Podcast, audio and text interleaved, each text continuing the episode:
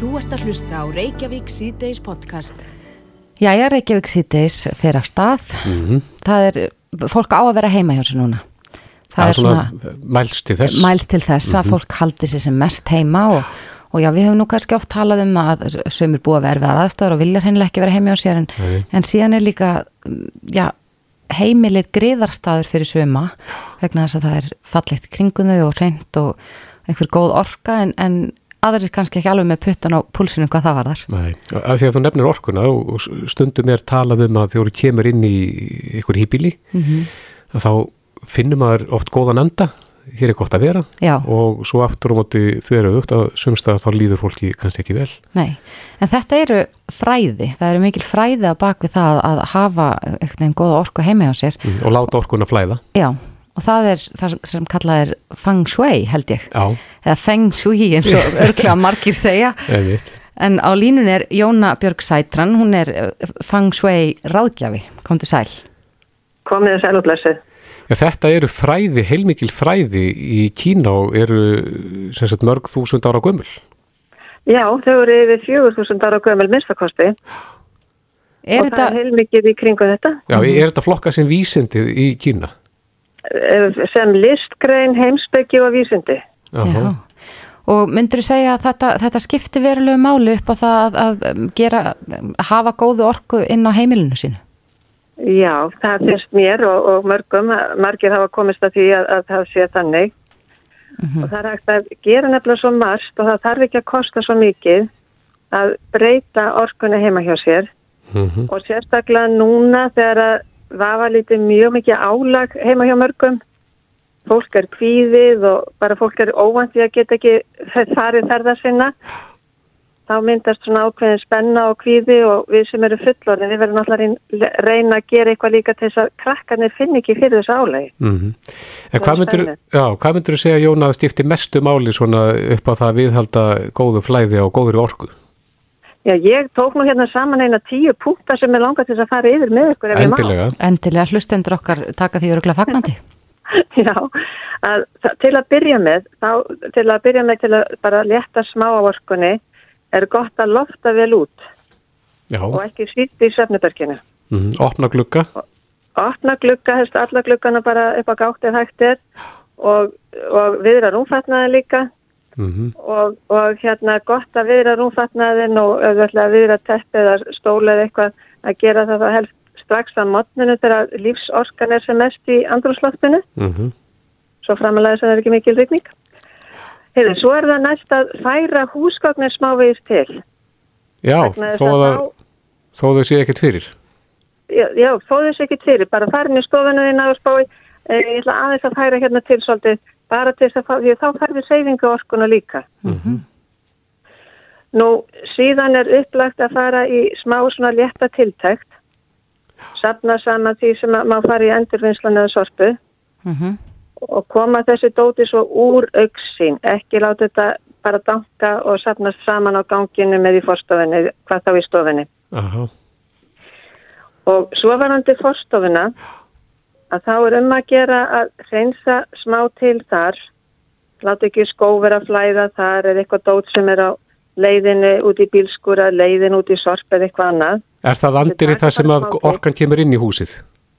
Já, andir þar sem að þú ert að koma inn um aðaldirnar inn í íbúðina þína. Já, já. En ef að fólk þú gengur koma- fyrir tíðu, ef að fólk gengur inn um einhvern annan ingang í staðin, er það þá uh, á fókusin að vera þar? Segjum bara í gegnum þvottarhús eða eitthvað slíkt? Það er alltaf mesti fókusin inn á aðal ingang húsins, þar sem að þú notar sem aðaldir, þar sem að með nafni þitt stendur vonandi á hurðinni eða villiðin á hurðinni, þar sem sést hverju búa þarna í þessu íbúða þessu húsi. Mm Það er svona aðaldirnar. En það, ef að þú gengur inn í þvóttahúsið, þá er náttúrulega um að gera að reyna að hafa það snýrstilegt líka. Já. En það sem, að, það sem er sérstakt við forstofuna líka, ég veit að það eru ymsi sem hafa heyrt á þér, það er það með speilin í forstofunni. Já, Hvað er Að þetta? það, er, það er þannig að það er ekki gott að láta speil eða mynd með gleri vera beint á móti út eftir á hurðinni. Þannig að þegar þú opnar inn í íbúðuna þína, þá ert þú að hleypa náttúrulega, uh, hvað segir við, lífsorku inn í íbúðina, andrumsloftuna utan mhm, og ef að þær, þeir uh, ljósgeislar falla beint á speil sem er beint á móti, þá er sagt að þeir varpist jafnvel tilbaka aftur, þannig að þá náir ekki eins miklu og góðu orkuflæði inn í íbúðina. já, já, En það, það er mjög gott eins verð að hafa speilin eða speilflötin aðeins til hliðar þannig að það grípi geislana og getur varpaðum áfram inn, lengra inn í íbúðina. Já, já, Bara ekki hafa speilin beint á móti. mhm, Svo hérna er eitt sem að er mjög mikilvægt finnst mér og það er að geta náð svona góðri stemningu til að geta slaka vel á þegar maður er búin að taka til að slaka mjög vel á í góðri byrstu og þá koma saltsteinslampar, svona óranslitaðar saltsteinslampar mjög sterkir inn. Mhm. Já, já. Gefa þeir góð orku. Þeir gefa mjög góð orku þegar, þeir, þegar það er kveikt á þeim. Mhm. En þeir er, efnið hitnar.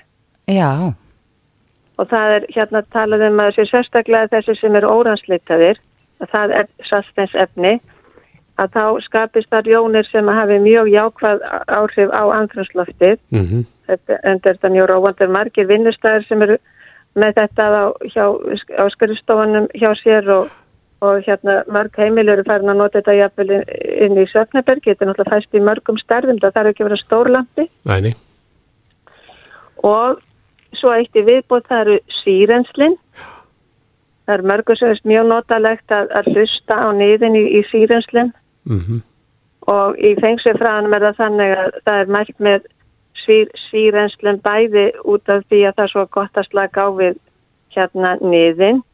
Og líka til þess að koma reyfingu á orkuna já, en sírensli er ekki gott samkvæmt feng shui í, í klósetti, Eh, Nei, ekki í klósettinu því að, og heldur ekki inn í svefnubergin. Í svefnubergin meg ekki að vera, á ekki að vera síðansli. nei, ekkert vassli og þar.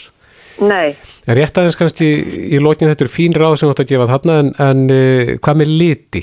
Eru einhverju liti sem að fólk á forðast að, að mála í Svefnubergi, eldúsi og slíkt? Já, það er einmitt í sambandi við svefnubergin áður en að ég segir litina að þá hérna inn á vefnum mínum fengsu.is Mm eða skrollin alveg neðst niður á forsvíðuna að þar getur fólk náð sér í frí, aðna, ókipis í sex ráð til að bæta orkuna einmitt í svefnubergjónum. Já, já, Og eitt af því sem að, að þjóðst að tala um litina, það er ekki gott að vera með bláan lit mikið í svefnubergjónu. nei, Og, og yfir höfuð uh, hérna alls ekki dökkbláan vegna þess að svona eins og hafið, það er hérna mælt með því að hafa það ekki. já, ég held nú að orðin svona alls er vinsætt litur til þess að mála svefnarbyggi. Já, það er nefnilega málið. hvaða það litur á helst að vera?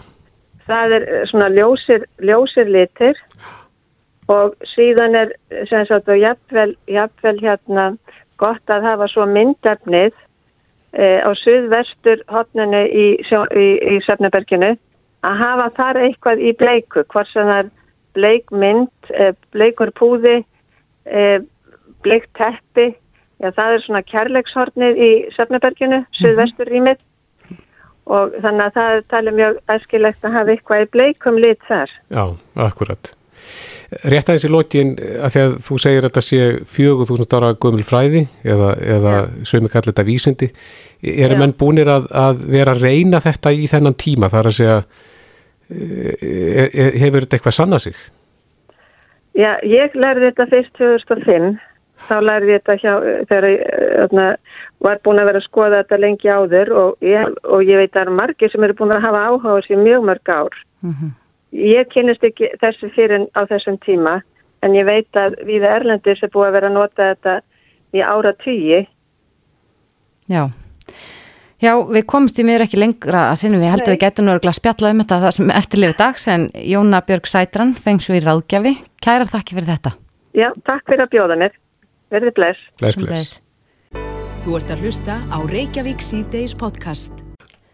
Við sögðum frá því hérna um daginn að eh, sameind fyrirtæki sem að er í Glæsibæ held ég Já. var að bjóða upp á mótefnamælingar fyrir einstaklingar sem hafði áhuga á því að aðtuga sömur kannski töldu sig hafa vext á uh, í vor mm, fengi ykkur væg kannski? Akkurat og við sögum alltaf frá því að það er hægt að bara gegn væg og gjaldi hægt að fara og uh, mæla mótefnin. Já. en við vorum að veltaði fyrir okkur í gær sko hversu margir hafa mælst með mótefni sem voru ekki með staðfest COVID-smitt í fyrstu bylgjunni, annara bylgjunni, já, eða núna. Já, þannig að fólk sem að er kannski ekki inn í þessum tölum þá yfir þá sem hafa síkst. Akkurat.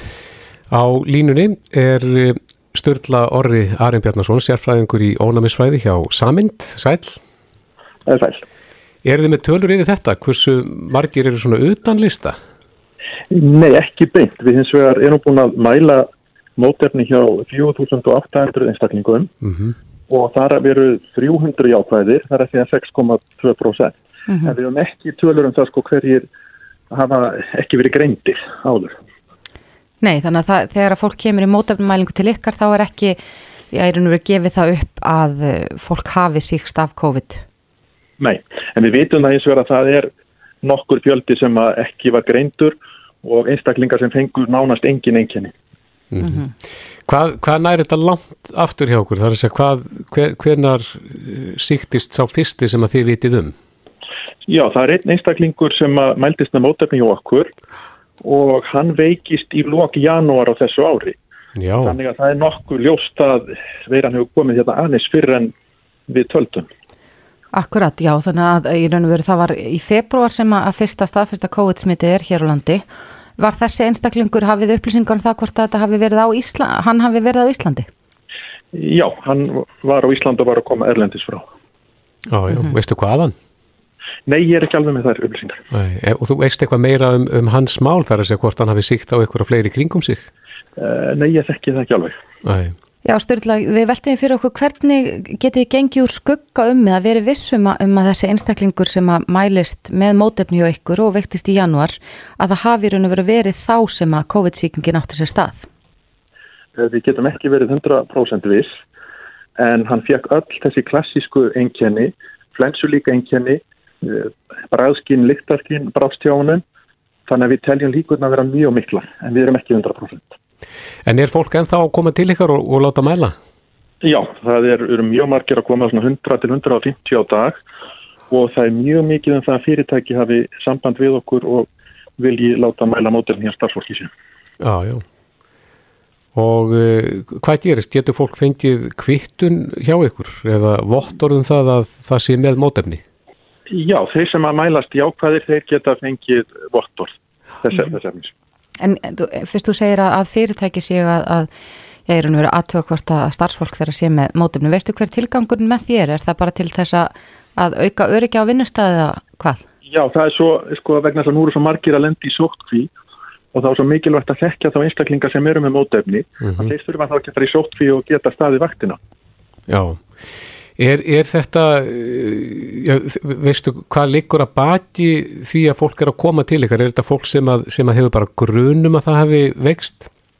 Er Já, þetta... langt flestir, sko, langt flestir veiktust og fengu einhvers konar flensulíka einkenni og vilja vita þetta og svo eru jafnvel einstaklingar sem eru búinir að fá COVID og vilja vita bara um mótefna stöðina. Já, hvort þið séu með mótefni. Já. Já, En er ykkur búin að koma í, í hérna annarsinn?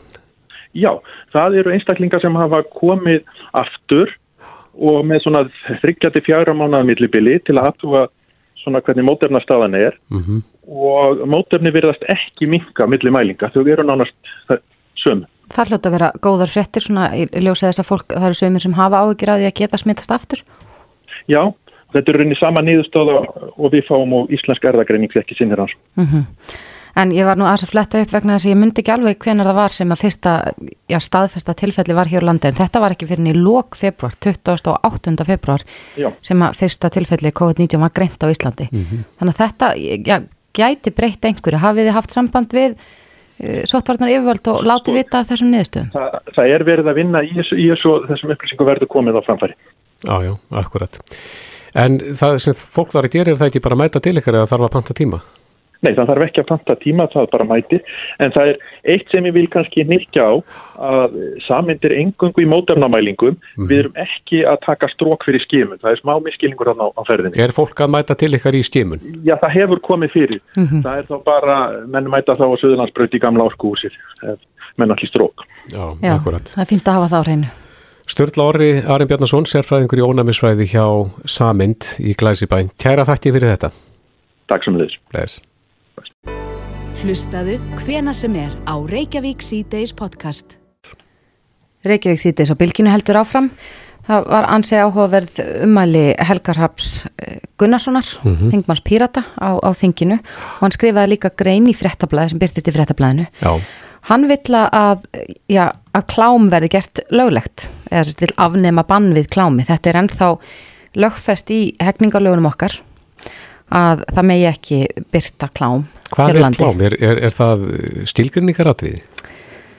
Já, eflaust. Eða er það bara ber mannslíkami? Er það flokka Nei, sem það klám? voru eða? náttúrulega sko einhverju dómar um þetta þar sem að, að í gamla daga sko þar sem að, já, var kannski svona einhverjar erotíska sögur og annað sem var flokka sem klám Mhm. en ég meina hérna áður fyrir voru nú gefin út svona nokkuð hvernig það var orðað, nokkuð svona klámfengin blöð Já, já, þau hafa verið seld í, í bókabúðum og, Mhm. og slíkt. En uh, hvað er Helgi Hrafnað fara með þessum? Sæl?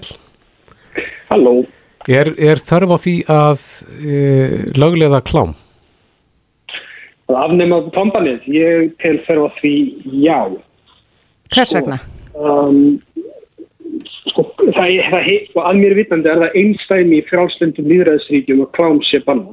Mhm. Ég veit ekki um önnu frálslund líðræðisríki sem við byrjum okkur saman við. En hver er stílgrinning á klámi, Helgi? Já, já, sko, ef þú vilt tala við mér allan dag, þá skulum við fara út í það. Að það er alveg sér kapitúlu og, og má spyrja því hvaða vitir í því að banna eitthvað sem að hefur verið núna í mörg hundruð ára óskýrt hvað þýði eins og neitt. Mm. Hvernig átt þú að vita sem borgari hvað þú mátt byrta þegar meira að segja skilgrinningin er óljós. Jafnvel að þú lest hæstrækta fordæmi um það, þá lofa þér því að þú verður ekkit mikið nær eða liða tíu ár vegna þess að hugmyndir og viðhorfum kynhæðun og kynlíf breytast svo mikið fyrir utan það að þetta eru persónulega og, og, og einstaklingsbundin möt sem að ráða ferðinni þér ekki alls. Mm Um, hins er ástæðan fyrir því að mér finnst mikilvægt að annar þetta bann núna er það að erlendis þar sem svona klamban hafa verið. Þá hefur það gerst fyrir eða síðar að einhverjir aðilar byrsta klám hvort sem er. Hvort sem fólki líka það betur að verða það bara gerist það. Og úr því verður einhver umræða af einhver ágrenningur við lagaumhverfi sem neyðir samfélög og þjóðþing til þess að taka debattið um hvort þetta sé góð hugmynd eða ekki að banna klám. Og aðtugið, það, er- það er ekki sjálfgefið að klám sé bara allir lægi, það er ekki það sem ég er að segja, það eru alveg uh, ógnir af því og vandamál sem stafa af því sem að við þurfum að bregðast við.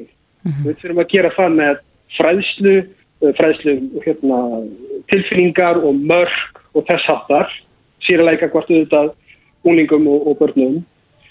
En núna er svo staða komin upp á Íslandi. Að við erum með lesarindiréttið og fleira fólk að heima hjá sér heldur en nokkuð sinni fyrr og þessu rómaða indirétti þá er ekkert mál fyrir hvert sem er að byrta myndir af sjálfum sér klámfegnar eða öðruvísi á netinu og það lítur út fyrir það að þetta, þetta gerist í einhverju mæli á, á Íslandi. Nákvæmlega hvaða mæli veit ég ekki. Það var ábyggin erfitt að mæla það. En þannig eru einstaklingar sem búa til myndefni og selja það á netinu, Íslandingar á Íslandi -hmm. og maður verður alltaf fyrir sér hver er réttast að þeirra, þeir, þeir eru brjóta á lög. Nú, Eru þeir að dreifa klámi svona með við þá stílgrinningu lagana í dag?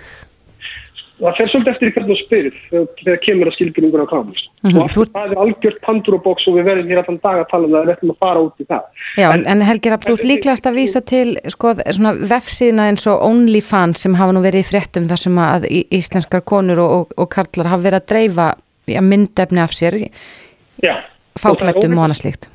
Já, og sambandið við skilgjörninguna, það er óhægt að segja að þetta sé klámur þess að uh, sumt af því fólki sem að gerir þessar myndir kallar það sjálft klám og gerir það meðvitað um þetta sé klám og vill byrta klám, skilur, og kallar það klám og það er ekkit eitthvað eitthvað launungar atrið, skilur nema þá, væntanlega, einhver tilfyllinga hvort verðum lagana.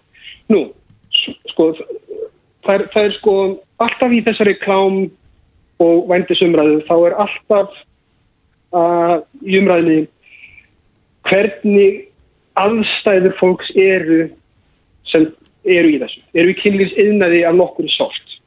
Og þá finnst það svo mikilvægt að hafa í huga, gefum okkur tvo hópa, annan, annan hópurinn sem við veitum ekki hversu stórið er, sem byrtir klám af fúsum og frálsum vilja, af sjálfum sér. Hvers vegna refsa honum? Það er engin ástæð til að refsa hann. Mm -hmm. Það er 19. aldar hugsunaháttin um það að það þurfi að vernda síðgeði samfélagsins einhvern tíma. Einhvern veginn, hugmynd sem er, er bara steindauð með internetinu, bara svo ég segi fólki það og við veitum það, jólasöktin er ekki til og klám verður á internetinu áfram, þannig er bara líðið núna. Svo er hinhópurinn, sem við veitum heldur ekki hversu stóri er, sem er í kynlisiðnaðnum af einhvers konar neyð ímest eh, neittur af öðru fólki eða er í aðstæðum þar sem þetta er eina leiðin til að eiga ofan í sig á eða komast ekki eftir skóla eða hvað eina. Og það er ekki sítt sá hópur sem á hvað minnst skilið að vera að brjóta lög með þessu aðhæði. Það er einmitt hópurinn sem að þarf að hafa ágangað réttarvenn, eh, lauröglu, heilbriðistjónustu og fjónustu ofinbæra aðila og samfélagsins. Mm -hmm. En Helgi, hef, hefur þú einhverjar upplýsingar um það að það sé verið eldast við þetta fólk sem er að dreifa þessu efni af sér á netinu? Ég veit ekki til þess að sé eldst upp við það eitthvað makvist og meðvitað sko að frumkæðuverðunar en þessi grein, 210. grein, hún poppar upp af og til sko. Mm -hmm. um, það kemur fyrir að fólk sé kæft fyrir það líka í sambandi við einhverju önnur brot um, frækt ennum aldamótin þá voru spökstofan kallaður til yfirherslu fyrir það, það og guðlast sem nú reyndar við, við hérna við hérna góðfúslega leiðum hérna á Íslandi árið 2015 mm -hmm. sem er fólk að tala um tjáningafræðis og allt það, en sko og nýlega á þingi þá kom fram frumvart þar sem að var verið að um, breyta eftirlit heimild lögreglu. Og þar eru nokkur ákvæði sem voru undan þein ákveðni refsiskildu til þess að laurugla mætti beita þeim hlerunar úrræn við ríkum yngreipum inn í friðhelgi. Og þar við vinstu fyrirmarksins eitthvað tegum á skopunum slýsæst inn þessi grein. Mm og við týratar við stoppum þetta bentum á þetta, þarna væri klámbannið meðal þeirra greina sem að hefði heimila lauruglu að beita mjög ríkum yngreipum inn í friðhelgi fólks og kváðum mm -hmm. bara og þetta var tekið út, nationalega en sko það veit að við séum með í refslöggjöf ákvæði sem útskúfar fólkinu sem við viljum helst hjálpa og við vitum ekki einu sinni nákvæmlega hvað þýðir. Það er eitthvað sem við erum að stöða. Nei, en refsingin það, getur verið alltaf, sko, fangelsi alltaf sex mánuðum, ekki satt? Fyrir brot á klampaninu. Það fylgur í sér, já, ákvæði fylgur í sér sektir eða fangelsi alltaf sex mánuðum. Mm -hmm. Það er, sko, sjálfur sér er ekki aðalatrið hvort að uh, laurugrann sé að eldast við þetta, en það minna, farðu bara á netið og leita að klámi á Google og finnur það skilur, það er, það er út um allt og það er það, er rosalega vonuleg sparat að sko alltaf er einhvað stöðva útfriðstu klám, það er bara, bara búið stríð og, og klámið vann sko. mm -hmm. en, en sko, að... það er mikilvægt oh. það er svo mikilvægt að fólk sem er í vandræðum og er í þessum kynningsiðnaði vegna þess að hann er í vandræðum að það sé ekki fólk sem er brotið fyrir lögin, það er fólk á að geta leita sér aðstofar án þess að óttast að lögjum þvælist fyrir ímist viðhorfum ofinbæra aðla og hvað þá viðbröndar. Mm. Er munur á klám og erotík þegar það kemur á lögunum? Ég, hvað höfum við langað tíma? Eina mínútu. Eina mínútu. Uh, það fer eftir í hvernig spyr og hvenar. Það er engin skýr lína þarna var aldrei og verður aldrei. En bara eitt að lokum Helgi, hvernig, hvernig tekur þingið í þetta? Er, er einhver sammálaðir? Jafnvel einhverju öðrum flokkum? Uh, þetta er bara svo stöld síðan að ég byrti þetta, ég er hreinlega ekki alveg með það hreinu, jú, ég veit um eitthvað kingmann sem að við mosnaði við þetta, þetta ákvæði sko, en mm. og svona, ég hef mjög lengi mjög lengi verið nöpið það að við séum að þér verðist eina frálsenda líðræðistíki sem við byrjum okkur saman við sem er með þessa grein. Já, akkurat. Við verðum að setja punktin hérna, Helgir Hafn Gunnarsson, Pírati, kæra þakki fyrir þetta. Takk fyrir þess. Reykjavík síðdeis á bylginni. Reykjavík sítis, það verist vera já, svona einhver nýsköpun í gangi í livjabransanum. Mhm. Ég las frétt í gærum að það væri nýtt sko, ný vefsíða sem getur panta lifin og fengi sendt heim um, og svo heyri ég af appi líka. Já, við hefum svolítið verið að ræða líka uh, þetta umbóð, rættu mál uh, föður sem að hérna er, er fráskilin, er með samæglegt forræði yfir barninu sínu og uh, hann lendi vandræðum í apoteki þar sem hann gæti ekki leist út lif fyrir barnið sitt. Akkurat. Og þá komið sumraðum einmitt um umbóð og annað slíkt. Já, núna sérst að voru reglunum uh, hjá Livjastofnun var breytt um mánaðamótin síðustu og nú er hægt að sækja um umbóð, rafrænt umbóðin á heilsuveru. Þannig að þú getur veru, þannig að sá aðli sem við töluðum við þá, raun og veru uh, sótt lif fyrir barnið sitt ef hann væri með umbóð, ef ég skilda rétt. Já, sem þetta eitthvað þá gengið mjög hratt og örglega fyrir sig. Akkurat. Já, Ekki, ekki skriflegt umbóð sem þarf að fara með á milli staða og, og kannski svona ekki algjörlega í takt við tíman. Mhm. En á línunni er Sigriður Margrét Ottsdóttir, hún er framkvæmdastjóri Livju, komdu sæl. Komið sæl og blessuð. Já, þið voruð að fara á stað með app. Hvað getur Já. maður gert í þessu appi? Heldur betur, við vorum sem sagt að setja á markaði núna í rauninni snjall apotek, þitt persónlega apotek sem þú ert með bara í vasanum. Og þetta app á að vera auðveldasta og örugasta leiðin fyrir neytendur til þess að kaupa liv og fá afhend í dag. Og einmitt eitt af því sem að, eitt af því sem að þið voru að tala um hérna áðan er eh, búið að leysa inn í appinu, það er að segja þetta er bæði app sem að er þitt persónlega app en þetta er líka þar sem að þú getur á mjög einfaldan hátt sótt um umboð og verið með þá skilgrend umboð til þess að sjá um livjakaupin fyrir aðra. Mhm. Og við vitum það einmitt sem að erum að vinna í apotekunum og það er mjög mikið um það að fólk er í rauninni með eh, umsjón með livjakaupum fyrir til dæmis aldra fóreldra eða frækkur eða börn og þetta erum við þá búin að leysa í appinu þannig að í staðin fyrir að vera sendast í apotekið þá getur við núna bara sendst í appi og við sjáum síðan um að afhenda lifin á örgan hátt. Já, en segja mig að þarf þá að, að skrá sig inn á appið uh, með rafrænu stíliríkjum. Já, En hvernig, út af því að nú, nú finnst mér eins og ég hafa alveg farið í apotek og, og keft lifhanda fjölskyldumæðlum um eitthvað sem er mjög slappur í rúminu og ég hef sótt síklarlif. Hvernig voru reglurnar áður en þessu að breytt núna mánaðamótin? já, þetta var nefnilega með þeim hætti að þú gast í rauninni sagt, sótt, uh, sótt lif fyrir aðra en nú er búið að skerpa algjörlega á þessum þessari reglugerð og í rauninni skilda okkur sem að erum að vinna í apotekunum til þess að tryggja það að við séum með sannarlegt umboð til þess að þú getur sagt, sótt lif fyrir aðra og þá kemur við með tækni svo sterkinn. Við á Íslandi búum svo vel að við erum með þessi rafrænu skilriki og inn í appinu hjá okkur þá erum við með búin að við erum að taka þetta aðeins lengra heldur en e, helsu vera gerir þar að við erum að leifa þér að sækja um umbúð fyrir aðra, sendum síðan umbúð, þetta gerist allt, þetta er, þetta er unni mjög einfalt en það búið að vera flókið að gera þetta einfalt. Já, þannig ef þú stendur á gólfinu í apotekinu þá ætti að taka bara stuttan tíma að láta ferlið allt saman ganga hrætt fyrir sig.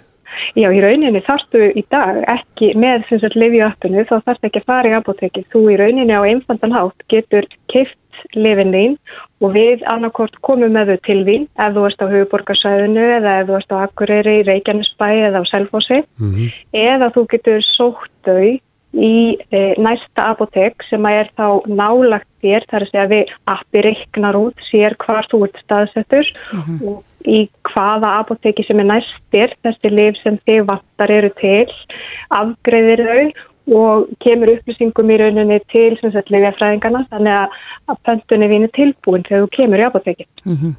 En aðeins að, að, út af því að við vorum að ræða rafræn skilur ekki, ef að ég myndi alltaf fá umbóð fyrir eh, aldraða ömmu mína og, og kaupa fyrir hana lif, þyrfti hún þá líka að vera með rafræn skilur ekki til þess að geta veitt mér umbóð?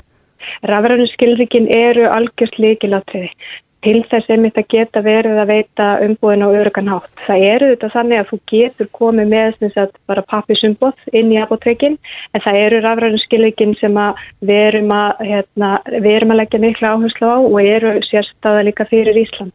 Já, þurfa báðir að vera með appið. báður þurfa ekki verið með appið, annar aðilinn, það er nógu annar aðilinn sé með appið. Sigriði Margret Ottsdóttir, frangotastjóri Livju, kæra þætti fyrir þetta. Takk fyrir.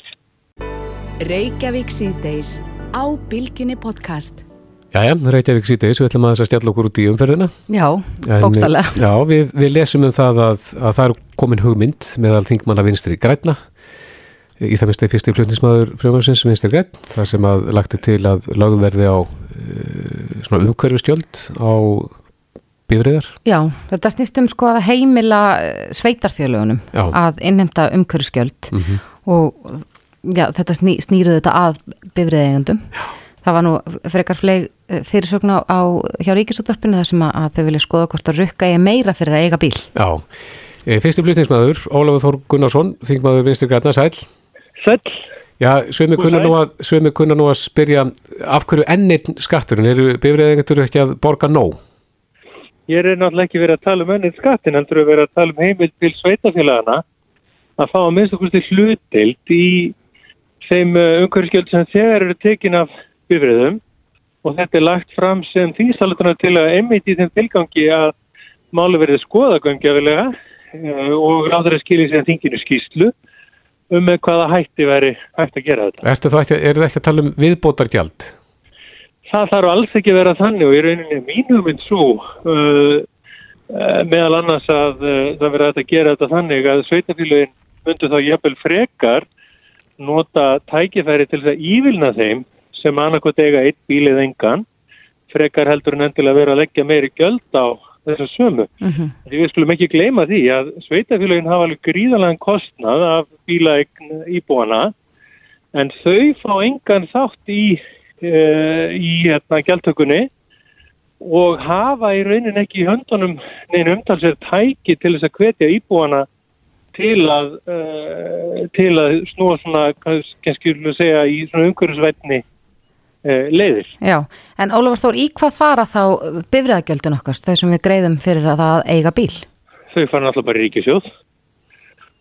Þau fara í ríkisjóð og þannig að, þannig að sveitafélagin fá í rauninni engan þátt í því. Í rauninni eina sem sveitafélagin fá út úr bílaegninni er þegar þau leggja á sem er mjög fáðar að gera einhvers konar bílastæðigjöld og síðan þegar að uh, einhver kaupir hjá þeim lóða þá þurfa að borga gatnagjöld en annað er það í rauninni ekki.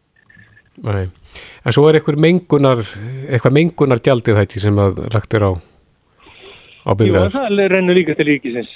Já, og þannig að, þannig að það er í rauninni sko, við ætlumst í rauninni til þess þetta með þess að sveitafélagin skapti cirka þrjú bílastæði undir hvernig einasta bíl sem að er í umferð en uh, þau í rauninni hafa ekki tækin í höndunum til þess að bregðast neitt við hvorki með gjaldtökunni í ívilunum eins og staðinu núna. Mm En eins og þú sér þetta fyrir þér og ef þetta verður að veruleika mm snýst þetta þá um að nýta bifriðagjöldin eða láta hluta af þeim renna til sveitafélagana? Það gæti verið einleiðin, önnurleiðin gæti eins og, eins og, eins og ég segi, önnurleiðin gæti verið svo að, að sveitafélagin reynlega fengi bara heimild. Ja, við skulum segja til dæmis til þess að ívilna þeim sem eiga annarkot einn eða engan bíl, sem eiga einn bíl gæti þá kannski haft uh, læri gjöld á bílastæðum eða engin gjöld á bílastæðum og svo framvís og framvís. Mér að það verður skilið eftir í höndu sveitafélagina hvernig þau ákveða það. Mm -hmm. Af því að ríki getur ekki ákveðið að sveitafélagi leggja á gjöld en sveitafélagin hafa í dag ekki einu svona heimildina. nei. En sér þið fyrir mismunandi gjöld þá eftir uh, orkugjöfum sem að bílarnir nota? Það er að segja Algjörlega. þá minna raf, rafbíla? Já, já, algjörlega eins og við gerum í dag og það er til dæmis það sem að uh, mörg sveitafélag hafa farið út í til dæmis að nú þegar að, að leifa þeim sem er á umhverjusvætni bílum að, að fá afslátt af bílastæðum og bílastæðgjöldum og það er mjög jákvæð þróun og það er kannski rétt að það komi fram að þetta er í sjötta sinn sem að þessi tilaði lögð fram en þetta er í fyrsta sinn sem hún fær einhvers konar umfjöldin sem heitir í fjölmjölum og það er náttúrulega bara mjög gott að menn eru loksins átt að sagði að þetta geti verið eitthvað sem skiptir máli núna þegar við erum að fara yfir okkurskipti og, og erum að reyna að minga gólmyndisfóru okkar. Já, akkurat. Við náðum þér á hjóli á leiðinni heim. Já, já, ég, ég er alltaf, ég var að, var að leggja hjólinu og ekki þetta alveg ykkur. Já, já, ég meina það er bara hjólir, sérstaklega í höfðvorksæðinu, það er frábært tæki til þess að komast á milli og, Já. Og ekkert senlega heldur en að gera í bíl. Erst þú bifriða eigandi? Ég, já, já, ég á bíl eins og aðrir, en ég nota ekki, ekki bílinn í vinnuna, ég nota, nota fyrst og næst því það fara út á land. Já, já. Áttu rafbíl eða, Ég á rafbíl, já. já, er, það 100% rafbíl? Bílinn sem að ég á er 100% ra- 100% rafbíl, já. Já. Herðu, gott að heyra, Ólafur Þór Gunnarsson, fyrsti flutningsmaður að, að þessu máli. Áttu vonað því að þetta renni í gegn núna, eins og segir, þetta er í sjötta sinn? Það er góð spurning. Ég, finnst frábært að skulle vera komin í gang umræða Já, akkurat. og, uh, og hérna vonandi kemst þetta máli gegn en það er þetta verið að byggja ráðherran að gera skýslu sem hann leggir fyrir þingið. Það er ekki eins og verið að byggja ráðherran að semja frumvarp og það er svo sem ekki mikið í lagt þó að, þó að uh, slíkt er í gert og máli nýtt þannig úr. Einmitt. Takk fyrir þetta, Ólafur. Ekki málið, verið bless. Reykjavík síðdeis á Bilginni podcast. Reykjavík síðdeis, tölu dagsins í dag er ekkert mjög kræsilegar. Það er ekki rétt um 100 manns sem að greindust uh, jákvæð Já. með, með COVID-19. Jú, það er rétt. Það voru, sko, er ekki, ekki hæsta talan sem við hefum séð ef maður lítir á, á svona björstulegarnar, Mm en þó mjög hátt yfir, yfir 80 manns. Einmitt. Og það er nógum að vera, það er til dæmis landsleikur í, í kvöld, Mhm. Ísland-Rúmenía. E, Tólvan hefur fengið leifi til þess að halda upp í fjörun á vellinum Akkurat. en, e, og svona í ímjöðsotna líta en Víðir Reynisson yfir lauruglu þjótt hjá almannavarna til ríkislauruglustjórir á línu, kom til sæl. Komið í sæl. Já, hvernig metur þú stöðuna í, dag? Ef Við bara byrjum á því. Já, þetta er bara kannski svipað á síðustu daga. Við sjáum auðvitað þessar tölur og, og hluta þeirra sem eru í, í sótkví læra hendur um viljum sjá. Já, við erum enn í brekku. Já, já, við erum í brekku og við verðum það. Við skulum alveg undirbúa okkur til það að þetta séu tölurna sem sjáum næstu daga. Kannski svona miðan næstu viku sem við getum fara að búast við að sjá einhverju verulega breytingu.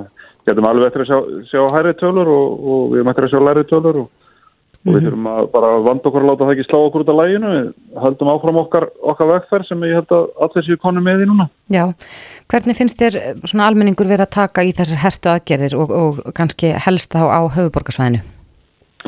Ég held að svona fyrstu tvei sólurhengarnir hafi fólk aðeins verið að átt að sjá þessu að við varum raunverulega komin á þennan stað aftur. En mér finnst eh, bæði gerðkvöld og í dag allir sem ég heyri, ég er í samskiptum með náttúrulega mikið af fólki og það er allir bara búin að setja undir sér hausinn og, og að taka hennar slag. Já, en við, við heyrum líka áhyggjur fólk sem að býr hérna í, í nákværinni við höfuborgarsvæðið, uh, áhyggjur af því að, að höfuborgarbúar skuttlis bara eftir þjónust út á land, þar í, í sund, hérna í nákværinna sveitafjölugunum og, og uh, klippingu og annað slíkt. Já, ég heimitt sko, ég sagði þetta í vor þegar við settum hann á bannið og, og hárgröðum stóðundur logoðu til dæmis að við erum bara að vera með ljóta hárgröðst í smá tíma. Við erum að tala um að þessar hertu aðgerður séu hugsa þetta tvekja veikna. Mhm. Eh, Ég skil, skil bara, skil það ekki alveg að mann sé ekki að, að hérna fara eftir þessu og, og sjá, sjá ekki hvernig þetta likur í þessu. Ég aftur á móti hefur maður ágjur af hópum eins og, eins og þeim sem notar þetta með sundi til í síni endurhæfingu og annað slíkt. Það eru, eru hópar auðvitað sem að fara að vera út úr þessu heldur en, heldur en þeir sem fara í sundi bara til þess að slaka á. Og þeim höfum þeim höfum við svolítið ágjur. Já, við fengum hansi áhugavert símtal núna í vikunni í símatíman hérna í Reykjavík síðdeis og þar var einstaklingur sem hafði smitast af COVID-19 í, fyrstu bylgjunni að segja hvers vegna já, sótvarnar yfir völd og, og, og ríkislörglustjóri myndi ekki já, nýta þá sem vext hafa í einhverjum tilgangi, sérst, fá sjálfbúðarlega til að sinna einhverjum störfum ég er svona í ljósið þess að allar líkur á því að þau smitist ekki aftur hefur þetta einhvern tíman komið upp á yfirbori hjá ykkur? Nei, sjálf sér ekki. Það verður þá vantarlega að vísa þá til einhverju hérna, ummunum þeirra sem að, sem að hérna, eru með COVID og þurfa. Það er alltaf helbriðskerin vinnur eftir mjög ströngum reglum og öðru slíku þannig að, að sem þeir sem er ekki með heilbriðismentur nýtast kannski minna við það en, en auðvitað það er eitthvað sem, að, sem heilbriðiskerfi getur kannski, getur kannski skoðað en ég held að það snúist og reist um, um það að við setjum mjög vel þjálfuð að sér af starfsfólk sem að sinnir þeim sem eru veikir og veikasti, það er náttúrulega bara allra veikasta fólki sem leggst inn á spítala og það er mjög sérhæða meðferð til þess að það er enginn sem fer inn á spítala sem er eitthvað slappur sko. Það Nei. er allir sem þangaðin fara eru forveikir. Kanski skrítin spurning en, en hvað með að gefa þeim slaka til dæmis að fara á landsleik fólk sem er búið að mynda mótefni og er ekki smitandi Gæti, gæti þetta Já. fólk ekki farið á völlin eða er þetta búið til einhvern slaka kakvar þessu fólki sem að eh, telur nú einhver þúsund? Já, þetta er einhvað sem það er að skoða. Þetta var komið umræða svona alþjóðagurinn í vor, sko, hvort að, hvort að væri með mótefni að geta sínt fram á það, hvort þetta leifa þeim eitthvað meir en öðrum svona heimsísu. Þetta er ekki síst er siðfræðileg spurning. Mm -hmm. hvort, að, hvort að, hvernig það var að vera. Það er svona aðrir kannski flinkar að taka þá umræða heldur en ég, en, en þetta er auðvitað alltaf spurning um eitthvað flækjustig og, og, og slíkt, hvort að sé að gera eitthvað fyrir eitt frekar en aðra og það er auðvitað sem er svo oft snúið í sem að vildi gerna geta búið til sérstakar reglur fyrir örfæntan badmintonspilara en, en kannski ekki fyrir hinn en, en skiljið þetta er, þetta er alltaf spurningin hvað maður á að draga línuna sko. Einmitt, en að því að við erum að fá pósta frá fólki sem að býr hérna í nákvæmlega sveitafélagunum og hefur áhyggjur af því að höfuborgarbúar fara að flyttjast út á, út á land að sætja hérna ímsu þjónustu er, er, er það bannað? Það er að segja meiga höfuborgarbúar ekki fara út á land? Þetta eru tilmæli, þetta er ekki reglugjur, það er ekki, það er ekki sko, samgöngubann frá Reykjavík en Nei. við bara að hvetja fólk til þess að sína bara skinnsemi og, og það er nú sínt sem heldur betur í þessum faraldri að þú terur þig kannski ekki vera með COVID og ert bara hress og káttur og svo gerur einhvað og svo allt með daginn eftir eftir slattur og þú er búin að smita fullt af fólki eða setja það mistumast í, í hættu þannig að ég held að við bara vera pínu skinnsum og, og hérna halda okkur til hljés mm -hmm. Bylgja gengur yfir hún, og hún mun ekki gangi yfir nema við stöndum allt saman og vinnum þetta saman. Ef við ætlum að leita leiða til þess að fara fram hjá tilmælunum og, og reglunum og þá mun þetta ekki gangi yfir. Við verðum alltaf að leggja stöð eitt til þess að klára þetta. Já, eru þið farin að finna fyrir uh, þessari sóttar, eh, hérna, farsóttar þreitu sem að hefur verið talað um? nú er, er maður að farin að sjá greinar í auknum mæli þar sem er verið að mótmæla þessum aðtjörðum ykkar?